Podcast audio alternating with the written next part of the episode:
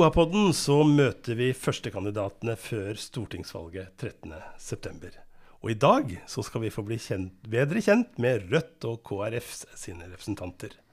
Vi skal snakke litt om dem, vi skal snakke om politikken deres, og så skal vi se på sjansene deres for å komme inn på Stortinget fra Oppland. Mitt navn det er Erik Sønsteli. Og sammen med meg har jeg jo deg som vanlig, Stina Håkensbakken. Ja, det har du. Du, Vi er jo litt ute i disse OAPod-spesialene våre med førstekandidatene. Eh, bare en bitte liten fot i bakken. Er, hva, er det noe du husker spesielt fra disse første møtene vi har hatt? Ja, det syns jeg jo. Det er alltid spennende å høre litt hva folk driver med utenom politikken. Eh, men i studio her så syns jeg jo det var eh, interessant når når eh, Venstres eh, Stine Hansen møtte er vel lov å si klimaskeptiker Carl I. Hagen? Ja, jeg tror du har dekning for det. Han sier jo, han sier jo selv at han tar et oppgjør med klimahysteriet eh, og klimareligionen. Så, eh, så, det var litt interessant av de to. Jeg er enig med det der. Og så syns jeg det var morsomt å høre Rigmor Aasruds eh, måte å komme inn i politikken på, og hva som vekte hennes engasjement. Og så har jeg et bilde at hun, hun fortalte at hun var strekspiller. Og, var og treneren kalte, sa hun var knallhard i forsvar. Mm. Og eh, det tror jeg på. Hun er jo en arbeidshest, og det er jo ofte strekspillere i håndball. Ja, da fikk jeg avslørt at jeg er interessert i håndball. Mm. Men det, bry, vi, det, er ikke oss dette skal handle om, eh, og de vi har hatt i studio. I dag så skal vi si velkommen til deg, Charlotte Veland Hoven fra Kristelig Folkeparti. Tusen takk. Og velkommen til deg, Bjørn Kristiansen fra Rødt. Takk skal du ha. Du kommer jo fra Lillehammer, men i dag har du vært eh, på Søndre Land, vet jeg. I dag har jeg vært på Søndre Land i min første debatt, og så kom jeg her hos dere, og det ble hyggelig. Og Charlotte, du bor i Hamar. Det gjør jeg. Du er trebarnsmor. Mm. Du jobber som lærer på barneskolen. Mm. Hva gjorde at det ble politikk på deg? Det var en Jeg har alltid vært engasjert i, i mye forskjellig. Barne- og ungdomsarbeid som tenåring. Og eh, så satt jeg i faktisk Hamars første ungdomsråd eh, da jeg gikk i 10. klasse. Og det ga litt mersmak. Men jeg måtte flytte ut av eh, Hamar og Hedmark eh, og bo i Oslo, Bergen og USA før uh, interessen vekte seg ordentlig. Da jeg flytta hjem igjen, så ble jeg spurt om å sitte i styret i Hamar KrF. Og jeg visste ikke helt hva det innebar. Ble lova at jeg bare kunne melde forfall til møter hvis det ikke passa. Men det viste seg å være mye mer interessant og en litt større tidstyv da, enn det de forespeila meg. Men du, du, topper lista både i Oppland og i Hedmark ja. samtidig. Åssen er det? Hvordan kombinerer du det, liksom? Nei, altså, jeg har jo ikke prøvd uh, noe annet, for det er første gang jeg er stortingskandidat. Men jeg sitter jo på fylkestinget eh, og har min første periode på fylkestinget. Så for meg så var det helt naturlig å representere hele fylket, for det gjør jeg jo som folkevalgt til vanlig. Men det jeg lurer på, er kan du sitte på begge benkene samtidig? Eller må du velge? Og i så fall, hva velger du? Ja, Det er et godt spørsmål. Eh, det har jeg fått før òg. Jeg kan ikke sitte på begge benkene. Um, sannsynligheten for at jeg havner i den situasjonen, er så utopisk at uh, jeg, tror, jeg har faktisk ikke bestemt meg for hva jeg skal velge. Um, for sannsynligheten er så liten uh, at jeg kommer inn begge steder. Men i så fall så er det sånn at det da den andre plassen, den andre kandidaten, altså Jytte Sonne fra Lillehammer, Stemmer. som tar din plass da i så fall, hvis du skulle velge ja. Hedmarksstolen, da. Så hvis jeg må eh, anslå noe, så er det vel kanskje mest naturlig at vi representerer det gamle fylket vi bor i, da, siden vi bor på hver vår side. Men vi har ikke snakka om det. Eh, for eh, sannsynligheten er jo så, som sagt liten. Men det hadde vært gøy, da, om jeg havna i den situasjonen. Ja. Og Kristiansen, du, du har vært både trikkefører og sykepleier? Det har jeg. Jeg var trikkefører i ja, 17 år i Oslo. Så flytta jeg opp til Lillehammer, og det, det, var veldig lite med trikker ja, der. Det var det, ja. Så da havna jeg på sykepleierskolen her på Gjøvik. Og gikk oppi der i tre år og var ferdig der for 17, ja, 20 år siden snart. Men nå, du jobber i Lillehammer kommune?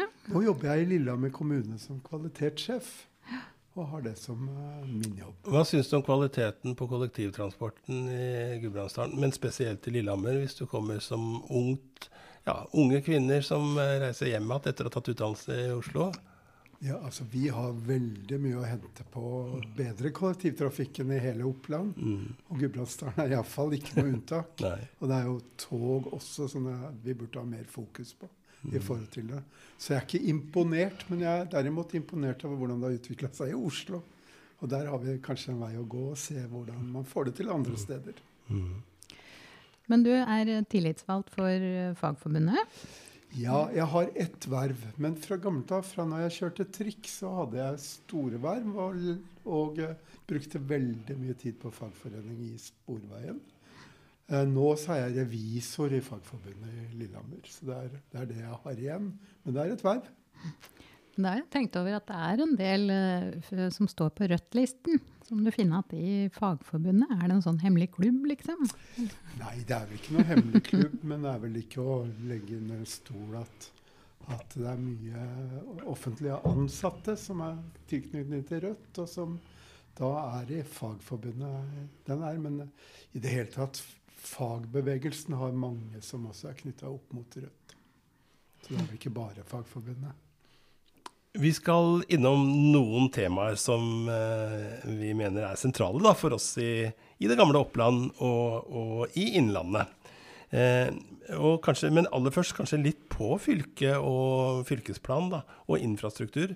Eh, ja, bør regionreformen oppheves og de gamle fylkene gjenoppstå? Charlotte? Nei, det mener jeg ikke vi trenger å gjøre. Jeg syns at eh, fylkestinget har hatt en kjempegod prosess med å få fylket til å fungere godt. Vi har en vei å gå videre også, selvfølgelig. For det er utrolig mye som må koordineres. Og de snakka om hvor mange datasystemer de hadde til sammen eh, lisenser på da de skulle slå sammen Hedmark og Oppland. Eh, som måtte sies opp. Og, men, men den prosessen har gått så langt at vi er eh, langt forbi point of no return. Og jeg har tro på at eh, vi har litt større regioner når vi skal koordinere bl.a. fylkesveier og kollektivtransport og skolestruktur. Bjørn, er vi ikke best sammen når vi blir enige sammen eh, som et ett innland? Jo, vi er best sammen når vi er enige. Og så var det jo en tvangssammenslåing uten at folk ble spurt. Og vårt standpunkt har jo vært at eh, når vi skal slå sammen regioner eller kommuner, så må det være på basis av ønske. Og det har vi ikke sett. Og Oppland er iallfall ikke de som har vunnet mest på den sammenslåingen som har vært. Så jeg tenker at det er mye å hente på at vi skiller lag, men at det må være på bakgrunn av en folkeavstemning. Med samme standpunkt som hvor vi skulle ha slått oss sammen. Da burde vi også hatt en folkeavstemning først. Men hvis vi ser på um, kommuneøkonomien og litt sånn situasjonen eh, generelt, hvordan skal disse minste kommunene våre klare seg eh, uten å slå seg sammen med noen når de blir stadig færre og får mange spesialiserte oppgaver? Ja, altså, det er jo det, der spørsmålet ligger, og sånn er det som vi egentlig svarte i utgangspunktet. Det er når, når svaret er sammenslåing, hva er spørsmålet? Og det er, sånn, det er jo demokratiet som det er snakk om, altså nærheten til beslutninger. Og der ligger jo også spørsmålet om hvordan man forvalter økonomien. Og både i store og små kommuner har man de samme utfordringene. Det er jo inntektene, det er spørsmålet og, og forvaltning av forhold. Men vi ser at de legger ned skoler, også i store kommuner. Så problemstillingen er jo samme. Og når du da har i din kommune to timers vei til tettstedet eller halvannen times vei, så, så begynner du å fjerne deg fra de som tar beslutning. Det er et problem. Det er et demokratisk problem. Ja, eh, jeg har lyst til å dukke bare ned i hvert tema her, eh, Bjørn. Men eh, hoppe litt, da. Helse og omsorg. Dere i Rødt er jo mot Mjøssykehuset. Vil beholde dagens eh, sykehusstruktur. Kan innebære nytt i Hamar. Eh, hvordan skal gamle bygg som var moderne for 40 år siden, møte framtidas behov? Eh, hvordan skal vi få nok leger, helse, sykepleiere, helsefagarbeidere, spesialister, til å drifte fire store akuttsykehus og resten av den strukturen som dere foreslår, i framtida? Det er jo selvfølgelig et langt svar, men eh, Mm. det vi ser nå, det er et langt spørsmål òg. hvordan, hvordan vi har diskutert i 15-20 år hvordan sykehusstrukturen skal være. Og så noen uker før en form for beslutning blir tatt, så har man endra standpunkt. Hvor vi har de siste månedene prata om Hamar, Brumunddal og Moelven. Og det betyr jo at det ikke er fundert godt nok. Og det skjønner jeg fordi at framtiden i forhold til miljøer og sånt er jo helse i nærheten av der folk bor. Og det er jo trenden. Og der har vi den teknologiske biten. Og så er det veldig mulig å forvalte det fagmiljøene på andre måter enn at de må være samla ett sted. Jeg har vært og overveia Jeg er sykepleier, som dere sa innledningsvis. Mm. Og jeg har overveid en prostataoperasjon hvor operatøren satt i Chicago. Og, eh, og gjorde det per nett. Og så hadde du selvfølgelig sikkerheten ivaretatt rundt pasienten. Så jeg tenker at den teknologiske biten, når vi skal se inn i glasskula om hvordan et sykehus ser ut om 40 år, når vi skal bygge det i dag, er kanskje et annet svar enn at det er klumpa ett sted i forhold til Og det tenker jeg er et godt bilde. Hvor står dere, Vera Noven? Nei, Jeg tenker jo at nettopp det uh, Bjørn sier om teknologiutviklinga, og at, uh, at, man hele tiden er i drift, er et argument for å ha et stort sykehus med et stort spesialistmiljø. Uh, Nettopp fordi at man kan jo ikke ruste opp alle små lokale sykehus med den teknologien der. Og vi har hatt altfor mange år i Innlandet nå hvor pasienter blir sendt som pakkepost mellom de ulike avdelingene på sykehus som er lokalisert på forskjellige steder. Så vårt primærstandpunkt er å ha ett stort sykehus. Um, og det har rent mye vann i Mjøsa i denne saken siden den første uh, ideen om storsykehuset ble lagt. Men jeg tenker at nå må vi ikke drive altfor mye omkamper. Nå må vi bare eh, sette alle kluter til for å få et sykehus til Innlandet. Jeg er redd for at omkampene som nå er i spill, eh, kan utsette saken i nye 15-20 år. Og det er mye viktigere at vi kommer i gang med et ordentlig sykehus. Og så er det jo også det med prehospitale tjenester, at de skjer i mye større grad i hjemmene. Som gjør at tjenestene kommer så tett på som de kan der hvor folk er. Og så kan man komme til sterke og trygge fagmiljøer eh, på de store sykehusene og de store enhetene for eh, den avsluttende behandlinga. Mm. Men jeg, eh, jeg, føler at vi i denne sykehussaken så prater det er så eh, Det står på hver sin tue, da, på en måte med veldig forskjellige utgangspunkt, føler jeg. Hva, hva tenker dere et sykehus er i dag? Tror du folk vet hva som er når vi prater om sykehuset mitt? Tror du de tenker på den akutte biten, eller vet om hva som er på sykehuset sitt? Nå kommer det jo en ny runde med funksjonsfordeling og samling og det er nok litt varierende om folk veit det. Jeg veit i hvert fall at eh, altså, eh, det viktigste for meg, for min del, er at jeg vet at det er kvalifiserte folk på det sjukehuset jeg skal benytte meg av. Men de siste gangene jeg har trengt en tjeneste på et sykehus, så har det vært i Gjøvik og i Elverum, så, eh, og ikke på Hamar. Og så må vi jo selvfølgelig holde i, eh, i mente i den um, utredningen som kommer, konseptutredningsfasen, eh, både miljø og eh, rekruttering. Og det, det, er jo grunnen til at mitt primærstandpunkt ikke nødvendigvis var Moelven. Men eh, jeg holder ikke fast ved noen annen lokalisering nå. Nå er det viktigste at det sykehuset blir bygd, og at folk får Eh, et endelig forestilling av hva et sykehus er, og, og, hvilke tjenester som bor der. I eh, fortsatt helse, men litt, litt, videre. I Vestre Toten så klarer ikke kommunen å gi helseforsvarlig hjelp til innbyggerne sine. Det er et faktum her vi sitter nå. I Østre Toten så skjer det dødsfall pga. feil medisinering. Eh, eh, folk som gjør så godt de kan, men ikke alltid har kompetanse og erfaring de, og opplæring i de jobbene de faktisk har. Mangelen på sykepleiere og helsepersonell er skrikende, om man skal bruke et avisuttrykk.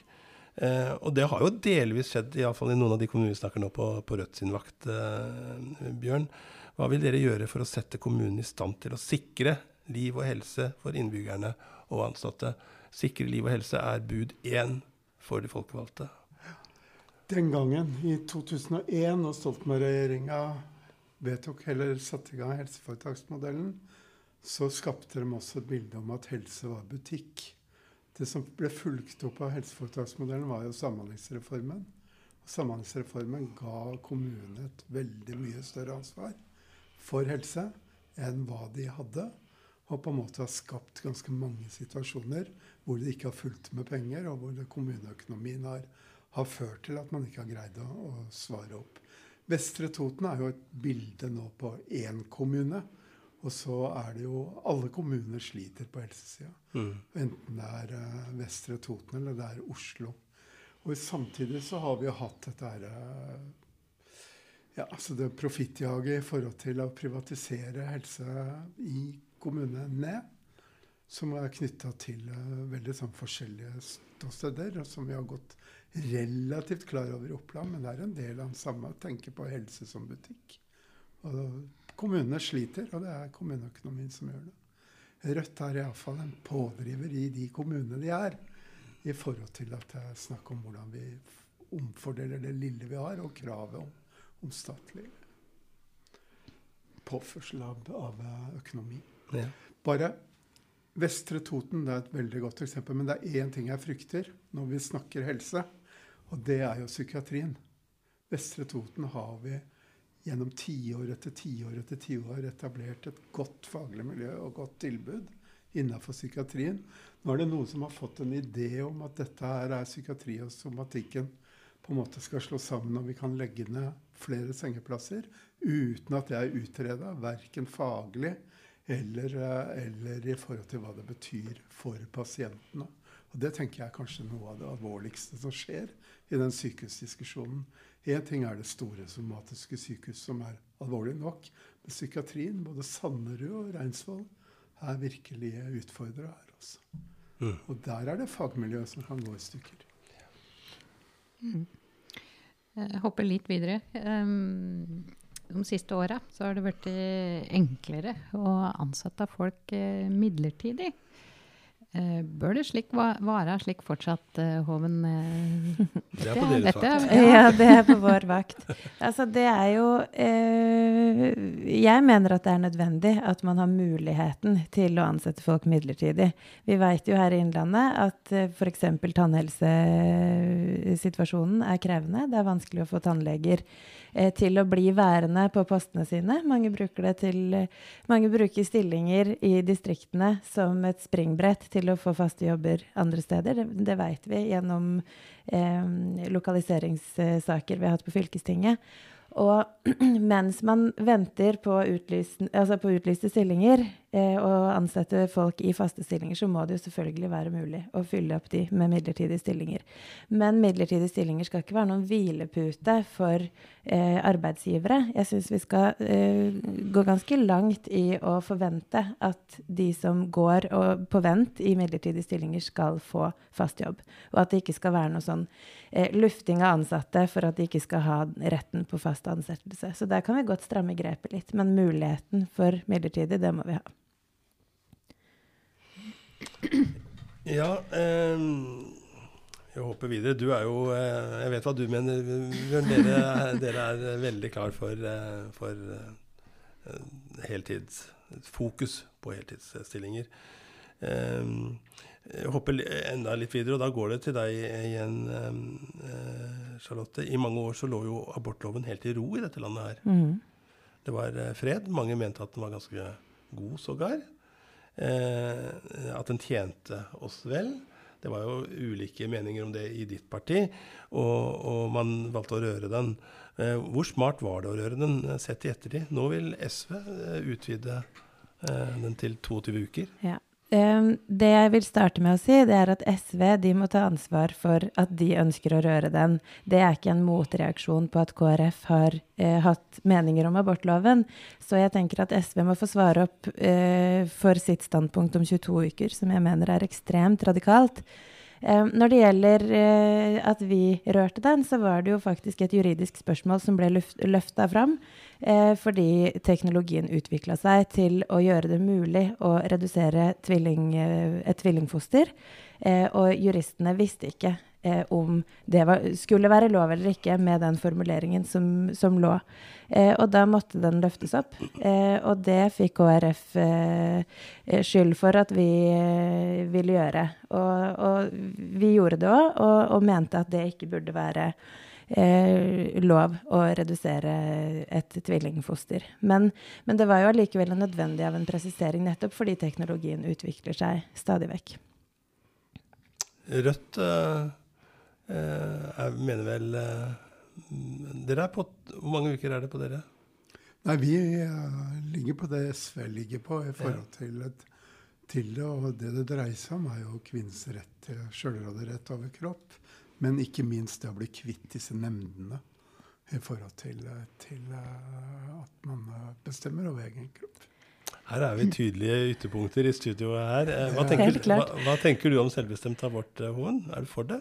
Jeg har, har uh, ikke noe problem med dagens uh, abortlov. Jeg tenker at uh, vi skal ikke Vi skal ikke gjøre det få polske tilstander hvor det er ulovlig med selvbestemt abort. Men jeg vil bare kommentere det standpunktet som Rødt har tatt. Jordmorforeningen de har gjort en undersøkelse blant jordmødre som sier at over halvparten av jordmødrene vil reservere seg mot aborter opp til uke 22. Nettopp fordi de vil bli satt i en situasjon der de kan i eh, ytterste konsekvens stå og redde et uh, født barn 20, som er født i uke 23, i det ene rommet, og så aborterer de et foster eh, selvbestemt eh, på det andre rommet. Og det er en situasjon som Jordmorforeningen advarer kraftig mot, og som, hvor det er mange som ikke ønsker det av fagmiljøene. Mm. Eh, kontantstøtte. Ja, det kan vi gjerne snakke om. Ja. det var jo en hjertesak for ditt parti. Hvorfor har ikke den eh, gått ut av tida, tenker du, hvis vi ser på de som mener at den ikke fremmer integrering og holder kvinner hjemme? Mm.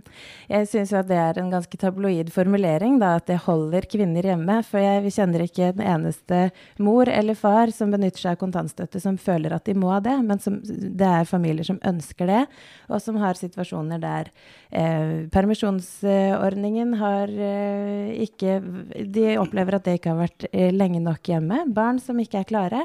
Eh, og mødre gjerne som eh, ikke er klare. Min mann tok ut kontantstøtte fordi jeg studerte. så det er ikke alltid mødrene heller.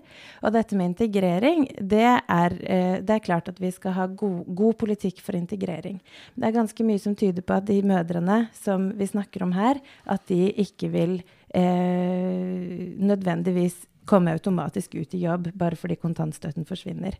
Og så må vi huske at det er snakk om ett år fra man er ett til man er to år. Så det er ikke sånn at man uh, gjør et kraftig svekkelse av arbeidslinja, sånn som Rødt og Arbeiderpartiet og SV vil ha det til. Da. Syns du kontantstøtteordningen har fungert? Jeg syns den fungerer. Og det er uh, jo en undersøkelse nylig som viser at over halvparten av Norges befolkning vil ha den, mens da åpenbart et stort flertall av politikere ikke vil ha den. Så her syns jeg jo at politikerne må bli litt flinkere til å lytte til befolkningen. Bjørn Kristiansen, eh, eh, det er ingen tvil om at dere eh, ønsker å avvikle den ordningen? Vi ønsker å avvikle den ordningen, og begrunnelsen har dere jo stilt i spørsmålet. Mm. Nemlig at den har fungert fordi at det er for mange som er hjemme. Og det går utover da den integreringen og den deltakelsen i samfunnet som vi ønsker skal, skal Men hva tenker du om denne muligheten for valgfrihet som, som KrF helst fra Eh, ja. og de borgerlige var, eh, og sentrumspartiene var opptatt av når den ble innført. Men man drar ofte i sånne anledninger fram dette med valgfrihet. Og så er spørsmålet for hvem i forhold til det. Jeg tenker jo at det er en del barn som hadde hatt veldig godt av å gå i barnehage, og det har vi fulgt opp med at barnehagen burde være gratis også. Kan jeg bare kommentere det? Fordi at jeg har jo tre barn selv og kjenner mange barn. Og um, det året fra barna er ett til to år, så vet vi jo at, uh, at uh, særlig ved innkjøring i barnehage så øker stressnivået hos barna. Eh, og det er jo sånn at barna har en primærkontakt fram til de er 20 måneder. Og det er ofte en av foreldrene. Og leken og språkutviklingen er selvfølgelig viktig, men den er jo eh, viktigere fra barna er to år. Eh, fra de etter de er to, så er det parallellek som foregår i barnehagen. Og jeg sier ikke at barn ikke har det bra i barnehagen. Noen av mine barn har vært i barnehagen fra de var ett år, eh, og et av de har hatt kontantstøtte. Eh, og jeg kan ikke si at jeg merker noen sånn markant eh, forskjell på de barna som har vært i barnehagen, fra det barnet som ikke var det det første året. Det understreker på mange måter det jeg sier. Altså ressurssterke eh, foreldre som har muligheten til å velge, og eh, kan dra nytte av det. Men det er jo ikke det vi snakker om vi snakker om bruk av samfunnets midler og hva som samfunnet er mest tjent med. Ja, hvis man skal snakke om ressurs, ressurser, så vet vi at hvis vi fjerner kontantstøtten, så vil 3000 eh, barn havne under, fattigdom, under fattigdomsgrensa bare ved det pennestrøket av at kontantstøtten fjernes. Og da snakker vi ikke om valgfrihet lenger. Da snakker vi om et uh, kraftig inngripen i familiers økonomi. Men det innebærer at kontantstøtten er da et bidrag i forhold til at man skal være hjemme da, og ikke ut i arbeid? Ja, vi vet at mange av de familiene ikke kommer ut i arbeid også etter at kontantstøttebetalingen eh, utgår, når barna har blitt to år. Men, ok, Hvis det var kontantstøtten, så kan vi jo gå til eh, SFO. Eh, dekk Eh, Regjeringa har jo fått litt kritikk for å øke forskjeller mellom folk. Men Dekk sier de vil verne om familien. Men hvorfor skal ikke SFO være gratis, sånn som mange partier på venstresida vil? Um, fordi at uh, det er ikke alle barn som bruker SFO. Uh, og det er uh, Vi har jo et tak på, på, SFO, og det er gratis SFO for, for de barna som er i familier som ikke har råd til det. men KrF har gått til valg på at man skal ha en maksbetaling, enten man har barn i barnehage eller i SFO. At det skal være maks 7000 kroner i måneden. Um, og så har man da i tillegg denne, uh, dette taket, nei, dette fritaket for betaling hvis man er, uh, har lav inntekt. Ok, videre. Klima faktisk nå. Uh, Bjørn Kristiansen, hvordan skal Raufoss-industrien, en motor i innlandssamfunnet, overleve med Rødt og sin klimapolitikk? Og store CO2-avgifter og det hele som det har vært debatt jeg er jo overbevist om at det er nettopp det fokuset på, på klima som gjør at de vil overleve. Hvis man på en måte tar den grønne, grønne skiftet på, på, alvor. Og det går jo på at uh, man må jo bort fra utslipp. Og det, da blir man jo også bort fra avgiftene. Men jeg er veldig spent på Jeg nevnte stad Reinsvoll i forhold til Vesterålen. Men jeg er veldig spent på næringsparken og denne omstillingen. Og i det så ligger det spørsmålet om transporten. For det er mm. masse eksportindustri på Vestre Toten hvor man skal transportere. I dag har du en rv. 4 som ikke svarer opp til de forventningene vi burde ha til en moderne eksportindustri. Og hvis vi da i tillegg tar jernbanen, på altså Gjøvikbanen så er det jo virkelig sånn at vi er ute og kjører. Så jeg tenker at, at når vi snakker om den grønne omstillingen, så må vi også snakke om hvordan vi får, får uh, varene vekk fra. Og der har virkelig altså nasjonen en utfordring som vi må svare opp på. Og det er virkelig viktig i den stortingsdiskusjonen eller valgkampen å få dette på plass. Som et sterkt Rødt så er vi sikra både en helhetlig utbygging av rv. 4 og, eh, og gods på bane. Nei, men et sterkt Rødt vil iallfall sette det som er fornuftig på dagsordenen, i motsetning til det, det ufornuftige vi nå opplever mm. i forhold til Nye Veier og E6 og ødeleggelse av et verneområde oppe, oppe i Lågen, som er en ganske god illustrasjon. Mm. Som vi også nå ser i Agder, Vestfold, hvor man ødelegger natur fordi man skal mest mulig vei til en billigst mulig penge. Og da må vi investere der hvor det må investeres. Og det er i forhold til grønne skiftet, så tenker jeg at, at det er mye viktigere fokus enn, enn å ødelegge naturområder. Ja, eh, Stina? Hvis vi finner et uh, nytt stort uh, olje- eller gassfelt nå, bør vi, bør vi hoppe på, eller skal vi la det ligge? Det kan vi godt la ligge. Der er vi enige. Mm. Ja, se her. ligge.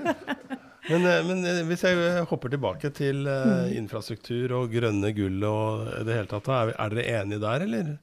På veiutbygging og behovet for, for veien til markedene, som jo på denne sida av jeg tenker, eller Mange på denne siden er veldig opptatt av at, å bygge hele Innlandet. Det betyr også at man ivaretar den, den delen av motorkrafta som er her på vestsida. Ja, det er jeg helt enig i. Eh, jeg syns jo det er litt rart at man skal kritisere at E6 blir firefelts, når man i samme åndedrag eh, snakker for en utbygging av, eh, av rv. 4.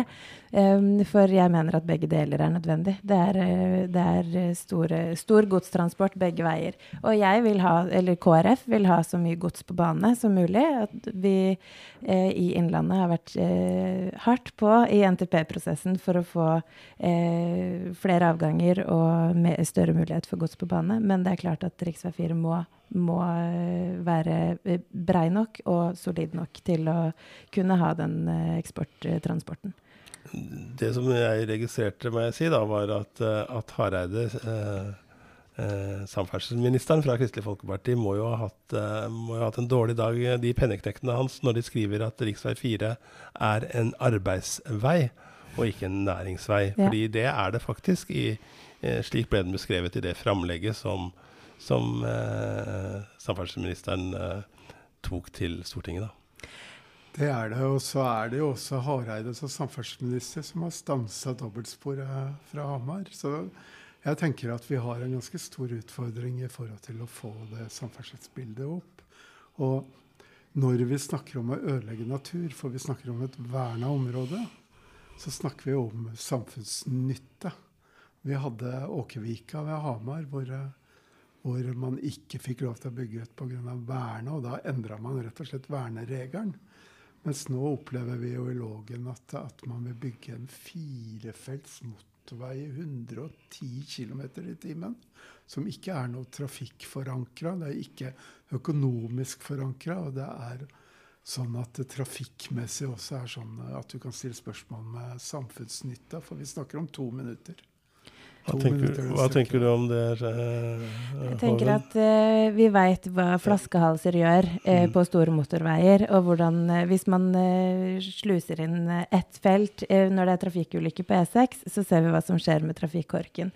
Så jeg er helt enig i at vi skal verne natur, eh, og at vi skal strekke oss langt i å gjøre det. Nå går det firefelts gjennom Åkersvika i Hamar, eh, og nå ser det ut til at det kommer til å skje her òg. Og det er klart at det ikke er heldig. Helst skulle traseene gått andre, vei, andre steder, men E6 går der, da. Og da er det vel sånn det er nødt til å bli. Men jeg er helt enig med Bjørn Kristiansen i at vi skal ha eh, høyt naturvern når vi skal utvikle framtidige prosjekter. Men vil du da oppheve vernesona i Lågen? Um, jeg uh, Nei. Og det er rett og slett fordi at uh, vi ser hva som skjer med den trafikkflyten, uh, og hvordan, hvordan ja, det utvikler seg der. Når man ikke har Hvis man har firefelts i lange strekninger, og så smaler inn. Men tog hvis, eh, hvis, vi får, skal tenke klimavennlig og, og disse tingene, og vi har for uh, trafikk på bane og gods på bane. Og på andre sida så venter de på intercity. Mens når han er være den som vil jobbe for å få dette toget over Mjøsa? Ja, det jobber vi for hele tiden. Eh, og så er det jo sånn at for hvert minutt Dovrebanen går eh, raskere, og jo flere avganger man får, så vil jo det forankre seg oppover Dovrebanen. Eh, og det ligger jo inne i NTP i hvert fall lengre krysningsspor og, eh, og, optimalisering imellom byene. Og hvis man skal snakke om økonomi da, og samfunnsøkonomi, så eh, jeg skulle aller helst selvfølgelig hatt eh, dobbeltspor hele veien, men det er ikke så mye tid å tape på å optimalisere mellom byene. Det koster mye, og det er enormt eh, inngripende miljømessig å bygge inne i byene. Eh, så sånn sett så er det vel eh, eh, kanskje ikke optimalt, men i hvert fall grunn til å ikke være veldig misfornøyd, vil jeg si, da, med, med den løsningen som er eh, foreløpig. Nå tenkte jeg på Gjøvikbanen over Mjøsa. Ja, Gjøvikbanen, ja. Mm. Norge er jo et u-land når det gjelder jernbane. Det er veldig godt illustrert. Jeg flytta til Lillehammer for 23 år siden. Og da brukte jeg to og en halv time med bil for å komme fra Oslo til Lillehammer. Nå bruker jeg to timer. Toget går akkurat like sakte. Og betyr at vi ellers i forhold til samfunnsutvikling, i forhold til næringer og alt blir en, blir en sinke. For vi ser ellers i Europa at uh, det er hurtigbaner og, og eh, prioriteringer av, eh, av tog. Som, som Er det noe man kan gjøre? Nå hadde vi Nasjonal transportplan. Havn, jeg vet ikke om den på en måte har landa helt, eller hvordan det tar. Ja, men hvor, hvor høyt vil dere bringe det ta dette, sett med Vestopplandsider? Fordi jeg tror at her er det en utrolig eh, kraft i at man ser at man trenger mobilitet av arbeidsfolk. Mhm. Tilgang til ung, komp eh, kompetanserik arbeidskraft fra Oslo. Eh, da banen mangler her. Vi har en batteri, vi har masse kraft, vi har masse Mhm. teknologibedrifter, vi har kompetanse. Eh, de som har uttalt seg om årsakene til at eh, vi er ute allerede av den konkurransen om en batterifabrikk, er dårlige samferdselsårer. Så hva denne generasjonen eh, politikere gjør, som blir valgt inn på Stortinget, kan jo sett fra Vestopplandsøyne være en ganske viktig generasjon, da. Absolutt. Nå er det jo på Gjøvikbanen, da, for å svare opp det, så eh, er det jo allerede optimaliseringer på gang som vil firedoble trafikken. Men jeg er helt enig i at den, det, vi skal ikke gi oss der. Men eh, ved å få dobbelt så lange tog eh, ved de nye krysningssporene og to, to avganger, så vil det jo eh, bli en firedobling da, potensielt sett. Hvis man får opp Da må man jo få folk til å bruke togene igjen og venne seg til at det går tog litt oftere. Og det er jo også en jobb å gjøre, selvfølgelig. Men uh, det er helt klart uh, jeg, skjønner godt hvis man opplever at, man, at det er litt sånn opplevelse at man blir behandla som en blindtarm uh, når det gjelder samferdsel. Og det, sånn skal det ikke være. For det er jo kjempeviktig å knytte denne regionen mot enda tettere mot verden. Det er Vi noe du kan ta opp med, med statsråden. Ja, han har jeg snakka med om det mange ganger. Vi var jo senest på um, Jaren eh, for noen uker siden og så på utviklinga der. Vi snakker jo om uh, dette som kanskje ett av mange, men stort klimatiltak. Hva vi gjør med samferdsel. Og Gjøvikbanen er jo et veldig godt eksempel på hva man ikke har gjort med samferdsel. Hvis vi tar fugleperspektivet og ser på linja gjennom Nordmarka, holdt jeg på å si, så er det en slange.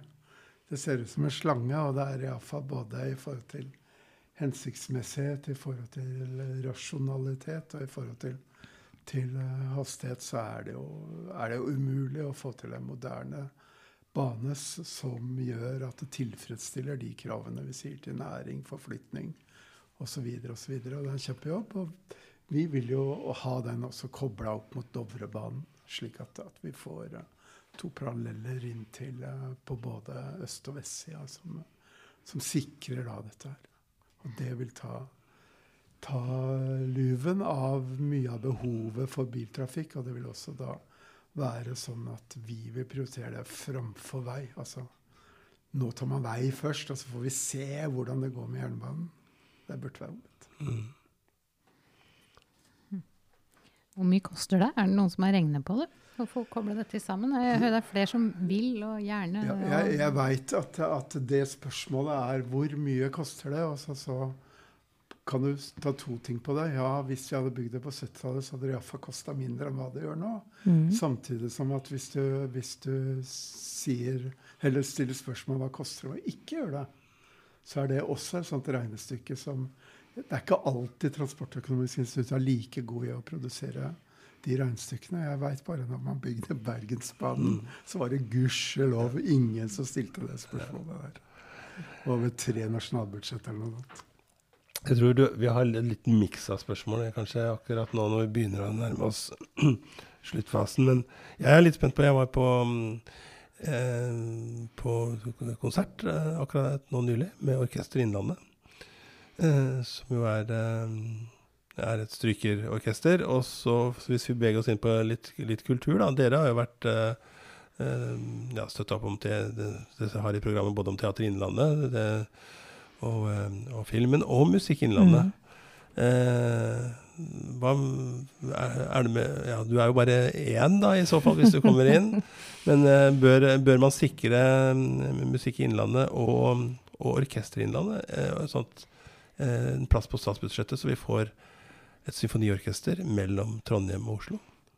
Ja, jeg, jeg, mener det. Og jeg mener at Innlandet har noen kulturaktører som er uh, unike, og som man uh, bør ta vare på. Så jeg, jeg spiller inn de som i hvert fall kontakter meg, og de jeg er klar over, når jeg har sjansen inn til statsbudsjettet allerede. Og kommer jeg på Stortinget, så har jeg en enda sterkere mulighet til det.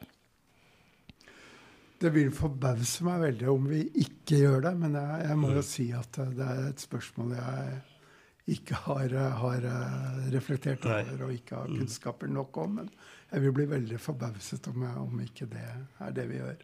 Ja. I forhold til når jeg ser hva vi har støttet andre regionale ting, som teater og, og sånt. Men, men Nettopp. Jeg tror ikke vi har noe forhold til operaen på Ringsaker heller. sånn, altså hva vi vil gjøre når vi er på Stortinget. Men det forbauser meg veldig om vi ikke støtter det. Kan vi si at Det står ikke spesifisert i stortingsprogrammet vårt, men vi har mye om kultur i fylkesprogrammet vårt. Mm.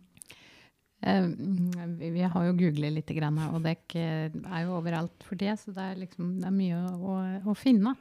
Eh, og jeg har sett på, på noen av disse valgomata som dere har lagt inn eh, svar på. og der ser jeg, Hoven, at du har sagt at du er helt enig uh, ingen tvil om at det bør være to juridiske kjønn mm. i Norge. Uh, og du er litt enig i at vi bør slutte med konverteringsterapi. Mm. Hva, kan du si noe om uh, nyanser der? Ja, det kan jeg si noe om. Eh, de juridiske kjønnene det handler om, eh, om, de to biologiske kjønnene som vi har i dag, som jeg mener at vi bør beholde. Når det gjelder konverteringsterapi, så er jeg enig i regjeringens eh, Eh, lovverk om at det ikke skal utføres på noen måte på barn. Barn skal få god veiledning når de opplever kjønnsdysfori, og, eh, og at det er krevende å, å, finne ut av hva man er. Og det er jo en uh, diagnose som jeg anerkjenner, og en situasjon som jeg anerkjenner at det fins. Men eh, når det gjelder eh, konverteringsterapi, så var den veldig ytterliggående, det forslaget som lå eh, hvor man også innebefatta eh, bl.a. Eh, det vi kaller for sjelesorg og forbønn. Som jeg som personlig kristen veit at det er, det er, mange som oppsøker sjelesorg og forbønn når de er i vanskelige situasjoner. Um, og det er ikke nødvendigvis konverteringsterapi, men det var uh, fatta inn under konverteringsterapi-lovverket, sånn som det var foreslått. Og det uh, vet jeg at mange uh, syns var krevende å se, og at det vil bli vanskelig å utøve uh, de tjenestene som folk frivillig oppsøker. Da. Derfor satt jeg kanskje Nei, litt Hva var det det var? Litt enig. Litt, nei, litt enig. Ja. Mm. Det hadde sikkert vært lurt å skrive en kommentar. ja, det, Kanskje jeg skal gå inn og gjøre det. Det er ikke for sent å endre det. nei, det er sånn. Og så tenkte jeg på, på deg. Du er, der, i disse her, der litt enig, litt uh, litt usikker. Ja, sånne ting. Men du var enten så var du helt enig eller helt uenig, stort sett. Det var deilig å ha så klare meninger om alt. Ja, men Er ikke det litt grann det bildet man har av oss i Rødt? At vi er ganske klare og tydelige på hva vi, hva vi mener? Har du noen gode eksempler hvor du burde være i tvil? Og jeg er veldig tvil om det meste, jeg, for min del. Så jeg kan kommentere det. Så gikk jeg inn for det VGs valgomat du snakker om her. Og jeg eh, svarte jo og skulle være sånn flink pike og sjekka opp mot programmet og sjekka med meg sjøl om jeg var enig. Så tok jeg testen når den kom, noen måneder etterpå, og var 63% enig med meg sjøl. så da skjønte jeg at jeg hadde kanskje vært litt mer tro mot programmet enn meg, så jeg gikk inn og justerte litt da. Og da var det det derre veldig kategoriske helt enig og helt uenig-svarene som måtte finne finpusses litt på. Men jeg tenker på Rødt. Eh, dere har et partiprogram som, der kommunismen er nedfelt som mål.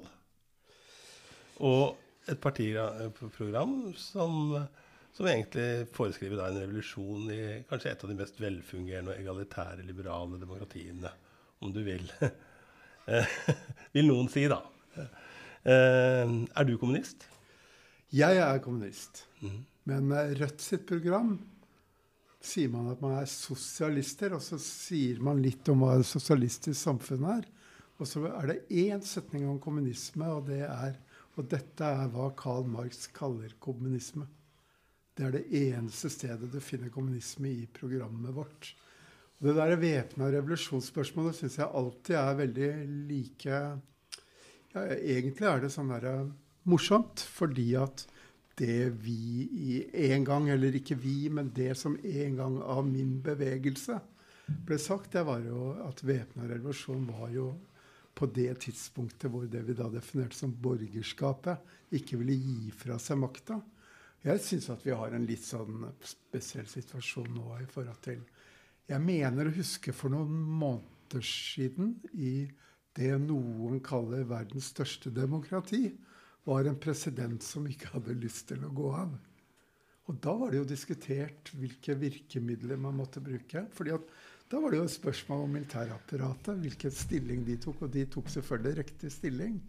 Men altså, da sto det og vippa litt. Det var til og med noen som gikk inn i, i, i Senatet og, og, og, skulle ta det. Men altså, da var det jo en ganske spesiell situasjon som illustrerer det som mine forgjengere en gang sa om at det er ikke sikkert borgerskapet vil gi fra seg denne makta. Når du ser deg rundt i verden, Bjørn, eh, hvor er det samfunnet hvor din ideologi eh, best eh, kommer til uttrykk, da, slik som du kunne ønske deg å se kommunismen? Nei, altså det samfunnet jeg ønsker, ser jeg ikke i forhold til hva som er i verden. Altså, når du ser det blir dratt fram revolusjon i Russland i 17 og Kina i 49 men da var det jo et samfunn som endra seg fra Altså, det var føydalismen man gikk til angrep på i forhold til det. Så jeg tenker at, at, det samfunnet er jo en del av, av, av, vår drivkraft. Å kunne lage det. Og det som har stått i veien for det, er jo kapitalismen. Og det er jo på en måte der vårt problem er, for det er den som ødelegger jordkloden, skaper urettferdighet, skaper ulikheter, som er det som vi fronter i denne valgkampen. at vi Forstår du, blir, forstår du, at du blir, møtt med de spørsmålene? At folk er litt usikre fordi, ja, fordi det, det, du foreskriver en medisin som, som, som, bringer med seg en viss form for usikkerhet ja, før vi kommer til Jeg forstår det, det godt, men jeg forstår egentlig ikke at de samme som er kritiske til det, med rette, altså med det spørsmålet, hvis jeg tar det velmenende spørsmålet, mm.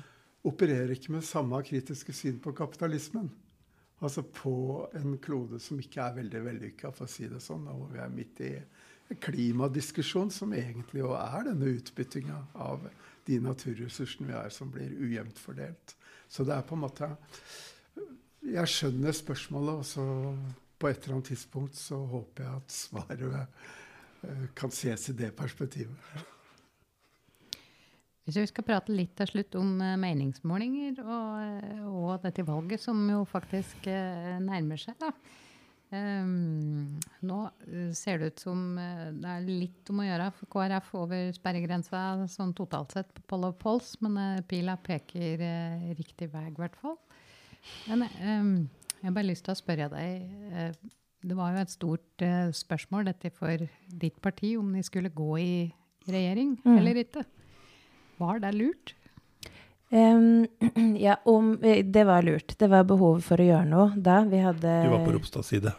Ja, jeg var på Ropstads side. Ja. Men uh, det var jo Hareide som Nei, Jo Hareide som sa at nå må vi gjøre noe. Vi må gå inn i regjering enten på den ene eller den andre siden. Og mm. vi må bli enige om hvilken side vi skal gå.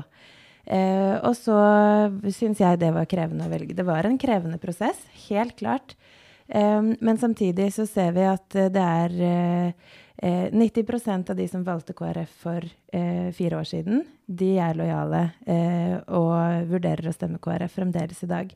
Og det tyder jo på at vi i hvert fall ikke har mista så mange som mange har hevda at vi har gjort de siste fire årene. Etter det jeg vil si er tidenes heftigste stortingsperiode for KrF. Det var på tide å gjøre noe. Vi har jo vist i regjering at vi har eh, fått gjennomslag for mye, og vi har fått mye KrF-politikk på dagsorden. Så for Innlandet var den, den saken som KrF kan si at dette har vi fått til for Innlandet i regjeringa? For Innlandet i regjeringa?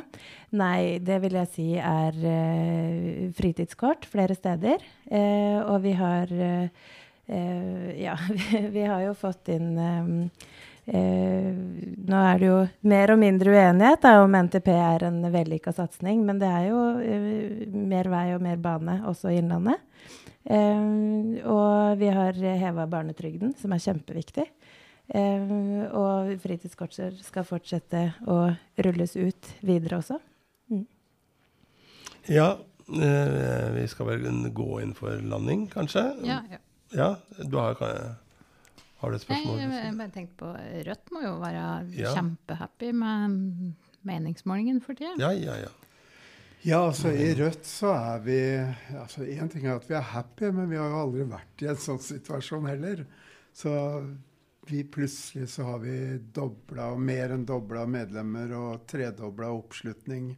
Og dette har skjedd i løpet av en relativt kort tid, sånn historisk sammenheng. Så det er jo første gang jeg opplever å sitte en, ti dager før valget og være litt skuffa fordi at siste måling var 4,6% Og at vi ser en sperregrense som på en måte vi kan bryte denne gangen. Og det tror jeg at, at det å bryte den eh, innebærer på en måte at, at vi vil kunne utgjøre en ganske spennende kraft i, i eh, nasjonal sammenheng framover. Og ikke minst det at det ser veldig mye ut som valget kan endre mye av norsk politikk for lang tid framover. Hvor du har et Venstre og et KrF som ligger lavere nede i forhold til sperregrensa. Og du har et Miljøparti og et Rødt som kan bryte det, som kan bety ganske store og drastiske endringer. Samtidig så ser jeg at de store partiene mister sitt feste. Så dette er spennende. Og vi, vi er fornøyd med det og skal bruke de siste ti dagene til å sikre at det skjer. Ved det siste, I 2017, ved det siste stortingsvalget, så hadde altså Rødt 0,9 eh, her i, i Oppland. Det, det, det har jeg iallfall googlet meg fram til. Det er en ganske formidabel økning, da, uansett. Så for, det, for nå eh, Det kjemper jo alle, egentlig, da, med, om en eh, plass, men du ligger veldig godt an. Du har, eh, du har, har kanskje en jobb å gjøre Mm. eh, i KrF da, for å få den plassen. Jeg bare hørte I går senest så hørte jeg mm, Det blir jo analysert opp og ned i mente nå, men eh, kjernevelgeren til Mm. Rødt var kvinner i 50-åra. Da ble jeg litt sånn overrasket. Ja, jeg, jeg ble ikke overraska over det, men jeg mente det var 35 år. Men det er mulig jeg tar feil her. Altså, men, men det var iallfall kvinner og i offentlige yrker. Og eh, dette er jeg ikke overraska på i det hele tatt. Det, er såpass godt kjenner jeg. Kjernevelgeren til Charlotte, da. Hva fyr leser du det? det, jeg tror ikke jeg kom eh, Jeg måtte lage noe mat. Men, men du kjenner kanskje velgeren Eh, din? ja, vi har eh, litt ulike grupper. Vi har en eh, mye større gruppe av eh, kjernevelgere som er i min situasjon. Eh, mødre og fedre med små barn i barnehagealder. Eh, og så har vi eh, jo en kjernevelgergruppe som er eh, 50 pluss, eh, gjerne litt konservative. Men vi, vi har en mye bredere eh, velgermasse enn det eh, avisene ofte gjerne vil ha det til. Som er opptatt av familiespørsmål og alderdomspolitikk. Og Hvorfor skal vi velge deg og det gule kristen-konservative partiet? det er fordi at jeg har jo sagt i hele valgkampen at jeg kommer til å være en uh, kandidat for uh, hele Innlandet. Uh, og det mener jeg, for jeg er jo det på fylkestinget òg. Og hvis jeg kommer inn, så vil jeg kjempe for familienes valgfrihet. Da. Og flere barnehageplasser, flere sykehjemsplasser, gode løsninger for eldre. Og for fritidskort og økt barnetrygd. Og så har jeg en sak til som vi ikke har fått snakka om, som jeg Nei. veldig gjerne vil løfte fram. Og det er at min hovedsak det er at eh, KrF eh, og jeg da ønsker å gjøre førsteklasse om til førskole for å få en mer lekbasert eh, første møte med skolen. Da fikk vi inn også den. Eh, hvorfor skal jeg stemme på, på Rødt i, i år? eh? Det er mange grunner til det. Hovedgrunnen er at vi sier at vi Det er ikke en ny regjering vi trenger, vi trenger en ny kurs.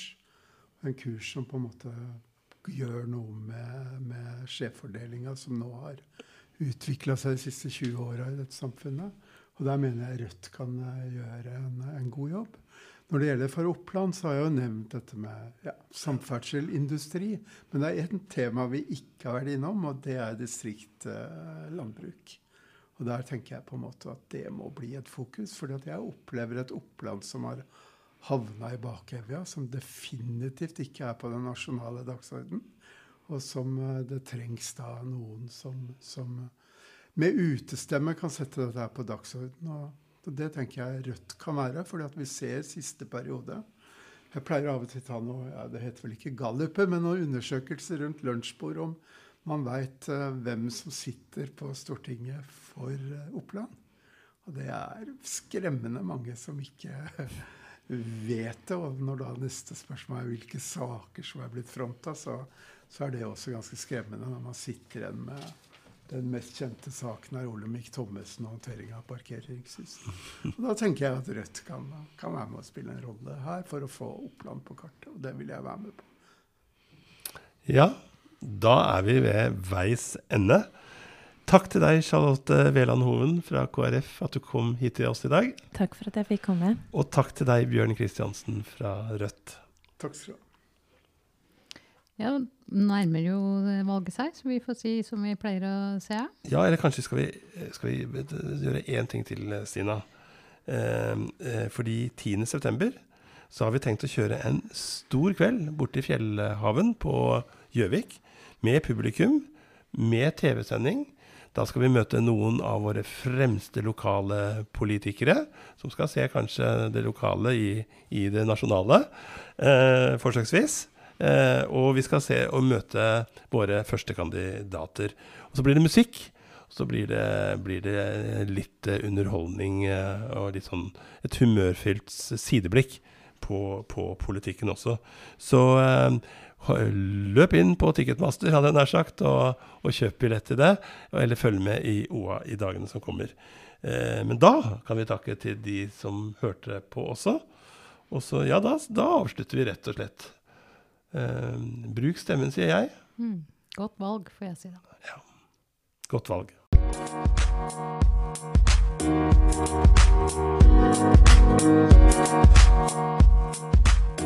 Thank